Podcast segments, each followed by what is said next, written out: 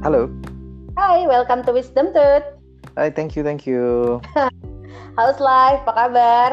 Baik, baik. Ya, semoga semua oke okay ya. Kondisi Oke. pandemi COVID-19 juga naik terus. Semoga semua dalam keadaan sehat. Amin, amin, amin, amin, amin. Semoga semuanya dalam keadaan sehat, baik secara fisik dan juga secara finansial nih. Karena hari ini pengen ngobrolin yang lagi hot-hot gitu, Mas. Seperti yang kita tahu dan mungkin pendengar aku juga udah tahu ya baca informasinya tentang kasus yang lagi trending, film plan yang lagi trending. Makanya pengen ngobrol nih sama Mas dari Investment. Oke, oke. Paham, paham. Menarik sih ini. First question, what's your personal opinion about this case? Gimana menurut seorang fin plan juga? Iya, sebenarnya sangat disayangkan ya. Otomatis jadi banyak orang yang tanya juga ke kita kasusnya seperti apa, terus kemudian view-nya seperti apa. Kita harus ngejelasin juga perbedaan kita dengan yang sedang kasus seperti apa. Itu sih sebenarnya yang sangat disayangkan karena ada public trust juga ya di situ. Mhm. Ini kan masalah kepercayaan. Orang pakai financial planner karena dia percaya. Sekarang ada kasus kayak gini, kepercayaan jadi turun.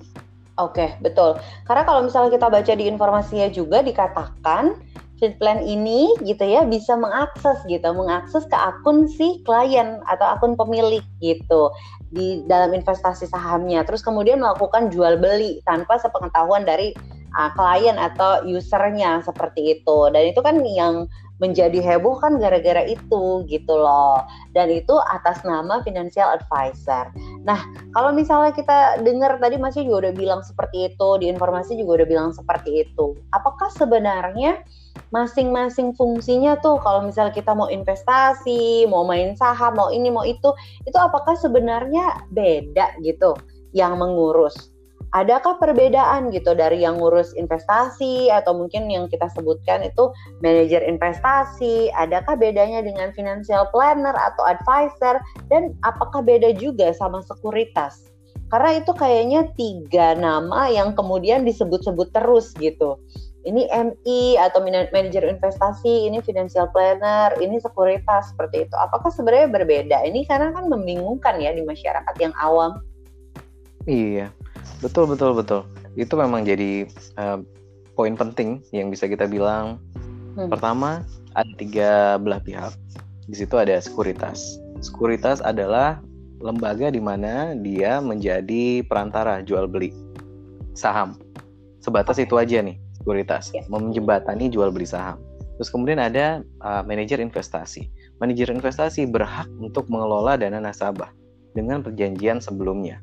Boleh menghimpun dan mengelola. Ketiga ada financial advisor.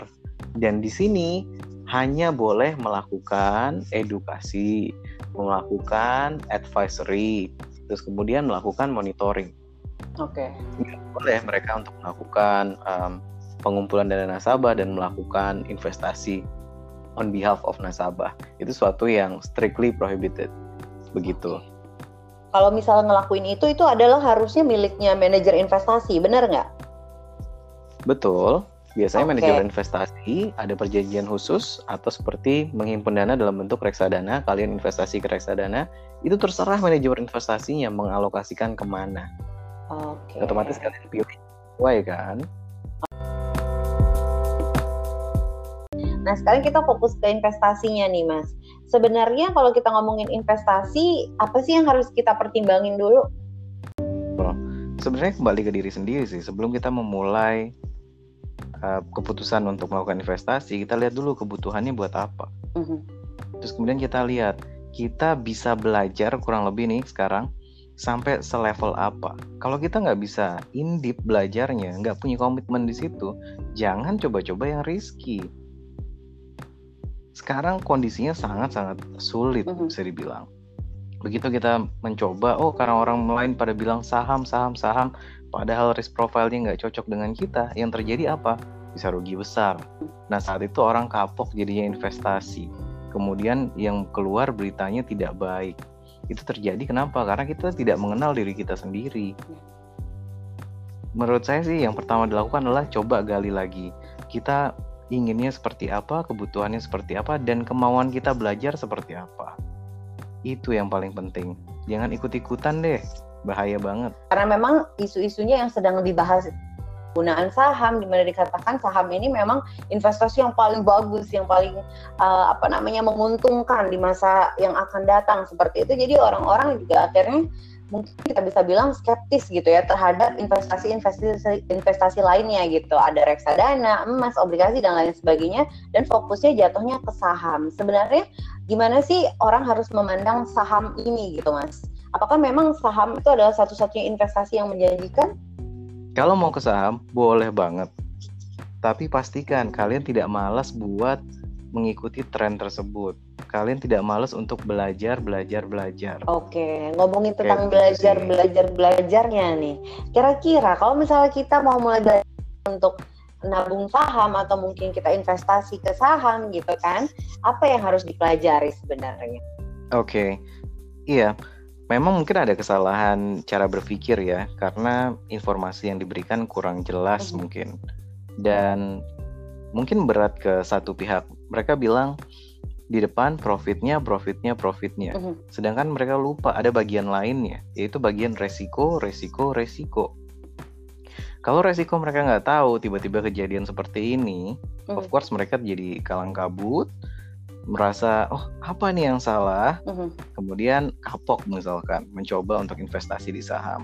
Memang saham adalah investasi yang returnnya bisa dibilang kemungkinan paling besar dari semua instrumen yang ada mm-hmm. selain alternatif aset ya misalkan beli tanah atau yang lain begitu mm-hmm. itu memang kita nggak punya datanya tapi di sana juga cukup menjanjikan cuman sebelum memulai saham yang harus dilakukan adalah belajar semaksimal mungkin hampir tidak mungkin kalau misalkan kita mau fokus ke saham tanpa kita mempelajari sesuatu contohnya gini kita ambil satu saham yang saat ini baik. Mm-hmm. Belum tentu 2-3 tahun kita tidak monitor dia selamanya baik. Bisa saja yang terjadi sekarang baik, tiba-tiba 2-3 tahun lagi namanya nggak ada. Dan itu terjadi. Itulah sebenarnya tugas dari manajemen investasi. Manajer investasi, mereka mm. melakukan monitoring sehingga mereka melakukan rebalancing. Untuk belajar eh, saham ya, ya ada sebenarnya ada beberapa hal terkait sama belajar bermain saham atau investasi saham ya. Yang pertama terkait sama fundamental sendiri. Jadi kita paling tidak nggak harus orang accounting, nggak harus orang ekonomi untuk mengerti itu. Sebenarnya dengan common sense bisa. Uh-huh. Teman-teman kan pasti tiap hari nonton TV atau dapat informasi tambahan dari tempat lain. Sekitar 15 menit aja ikutin uh, pergerakan ekonomi seperti apa, lihat brand yang ada di TV, terus kemudian uh, tren yang sekarang ada itu lebih dari cukup kok kalau misalkan kita bermain atau kita berinvestasi di saham-saham yang berkualitas dan baik. Oke. Okay. Di situ kita dapat dapat informasi. Tapi yang terjadi adalah gini. Ada pandangan seperti ini, oh kita nabung saham, ya udah pokoknya beli beli beli beli beli begitu. Uh -huh. Nanti 20 tahun nih kan ini buat anak, oh nanti ini kan buat cucu uh -huh. gitu. Tapi mereka lupa, mereka nggak spend time buat belajar. Mereka nggak spend time untuk tracking itu, tapi lebih aman. Bisa rugi, bisa. Cuman yang paling nggak mereka menggantikan posisi itu. Okay. Dan mereka terlisensi. Kalau misalkan tidak mau nih, tidak mau uh, yang tadi saya bilang ya. belajar yeah. sendiri, tidak mau menyisihkan waktu, mendingan jangan saham deh. Kita bisa pakai yang lain, misalkan reksadana yang dikelola manajemen investasi, obligasi yang itu tidak sebanyak saham Nah, tadi udah nyebutin reksadana juga nih. Ada pertanyaan yang masuk juga lewat Instagram saya. Ada yang nanyain, kira-kira di situasi seperti ini apakah saat yang tepat untuk ke reksadana saham? Oke, ada dua pandangan. Yang pertama, apakah kita melakukan investasi ataukah kita melakukan trading? Seandainya melakukan investasi dan itu sudah di uh, diplankan atau direncanakan. Misalnya tiap bulan kita masuk segini sejumlah X begitu ya. Kalian silahkan masuk aja terus. Namanya dollar cost averaging misalnya. Tiap bulan kasih 2 juta beli reksadana terus untuk diakumulasikan. Dan itu uh, panjang nih tenor misalnya sampai 10 sampai 20 tahun. Kalau itu yang terjadi silahkan lakukan terus. Kalau kalian trading melihat sekarang lagi turun nih seperti ini kalian pengen beli jadinya karena kelihatan harga murah saya sarankan sih enggak karena pertama nggak ada plannya. Yang kedua sekarang marketnya lagi sangat tidak stabil. Oke. Okay. orang bilang oh ini saatnya masuk saatnya masuk saatnya masuk. Hebat banget nih orang bisa bilang seperti itu. Ketika di luar sana ekonomi semua pada khawatir terus kemudian dari pemerintah sendiri mengatasi kondisi pandemi saat ini juga khawatir begitu. Yang kita lakukan gambling sebenarnya. Jadi silahkan sebenarnya eh, nahan dulu lihat kondisinya lebih stabil nggak ada sesuatu yang tidak pasti baru masukin investasi. Ya jangan merasa oh nanti kita rugi nih karena harganya sudah naik. Mm-hmm. nggak perlu gitu itu sebenarnya manajemen resiko kita sebenarnya, menunggu sesuatu, mm-hmm. sesuatu yang lebih baik sesuatu yang lebih jelas baru kita masukin uang. Itu ya mungkin situasi kayak gini menuntut kita justru lebih banyak extra cash ya sebenarnya ya mas? Betul kalau sebenarnya dilihat banyak manajemen manajemen investasi atau aset manajemen mm-hmm. yang melakukan hal yang sama mereka mm-hmm. tumpuk cash saat ini dan okay. ada salah satu um, satu sektor lagi kita namakan private equity. Mm-hmm. Mereka juga melakukan hal yang sama. Kenapa? Karena melakukan investasi di saat yang seperti ini memang kelihatannya murah, tapi resikonya sangat tinggi. Dan resesi biasanya itu sampai 2 tahun minimal. Bisa jadi tahun 2008 ya, mm-hmm. itu bisa jadi salah satu contoh yang baik banget. Kurang lebih ya. pergerakannya yeah. sama seperti sekarang. Tapi setelah 10 bulan ternyata ada penurunan yang jauh lebih dalam dibandingkan dari awal nih kita dari Maret sampai mm -hmm. sekarang ya. Ya. Posisinya kurang lebih sama nih 2008 begitu mulai selama berapa bulan juga sama. Kita pikir sudah ada rebound, tapi ternyata resesinya berlanjut dan itu sangat dalam. Butuh waktu sekitar 2 tahun untuk kembali ke level awal. Kalau itu yang terjadi gimana coba? Iya sih betul Betul. Kalau kayak gitu sekarang dilihat dulu, uh-huh. dilihat dulu kita cari investasi yang lebih aman, obligasi menarik, SBN uh-huh. menarik. Uh-huh. Itu bisa tuh dilihatin dulu. Oke, jadi daripada melakukan investasi di saham, reksadana, emas juga termasuk nggak? Emas pergerakannya sangat baik sih, naik terus sebenarnya. Tapi emas itu lagi dilihat dari kebutuhan ya. Kalau misalnya kita emas, jangan sampai berpikir bahwa satu dua tahun lagi kita mau cairkan. Percuma di bagian uh, fee jual beli. Kita beli emas sekarang di harga misalkan satu juta. Terus kemudian kita lihat harga emas naik nih dua tahun dari sekarang sampai eh, uh, 10% lah kita bilang. Wah naik 10% nih, udah satu juta seratus. Mau jual emasnya, kita nggak bisa menggunakan harga beli kita akan dikenakan harga jual. Dan untuk contoh ya harga emas antam harga jual dan harga beli bedanya bisa sampai 12% okay. yang tadi kita naik 10% menjual minus 12% akhirnya apa? Minus 2% 2% oke. Okay. silahkan kalau mau emas tapi kembali lagi apakah kita butuhnya dalam jangka waktu cepat atau dalam jangka waktu panjang? Lebih cocok soalnya dalam waktu yang lebih panjang Oke. Okay. Gitu okay. Mbak Caca. Oke, okay. ini sekarang kalau misalnya ngobrolin tentang obligasi. Oke okay, kan tadi kan udah denger tuh kalau misalnya saham, reksadana, emas, mungkin untuk situasi sekarang khususnya dalam kondisi seperti pandemik seperti ini gitu ya. Sepertinya sebaik-baiknya adalah menimbun sebanyak-banyaknya cash gitu kan. Karena jujur saham juga sekarang lagi pada merah-merah semua ya kayaknya mau dikeluarin juga kayaknya rugi gitu kan walaupun ter, terlihatnya sepertinya beli itu adalah menarik gitu kan. Tapi sebaiknya kita hold dulu.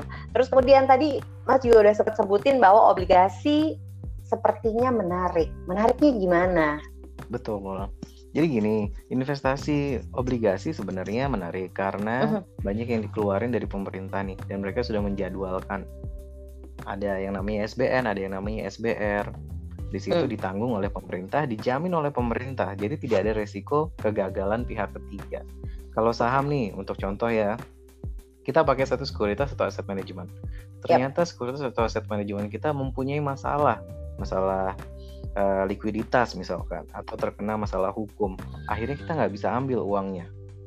Yeah. Itu bisa terjadi dan kemarin baru aja terjadi 18 manajemen investasi terkena masalah begitu. Ada beberapa yang kita nggak bisa keluarin uangnya. Jadi lebih baik sekarang cari yang aman. Menariknya di situ. Sedangkan yang SBN dan SBR tadi oleh pemerintah dikasih beberapa fitur yang sangat menarik. Misalkan ada floating rate-nya. Kalau misalnya nanti ada kenaikan, dia ikut naik juga selama 1 sampai 2 tahun ke depan. Selain tadi ditanggung, terus kemudian ada fitur-fitur menarik, Terus kemudian satu lagi ngebantu pemerintah. Pemerintah kan sekarang butuh dana buat recovery nih. Dengan hmm. kita ikut di situ sebenarnya kita ikut menanggung juga, membantu juga pemerintah. Menarik nggak sih kalau kayak begitu?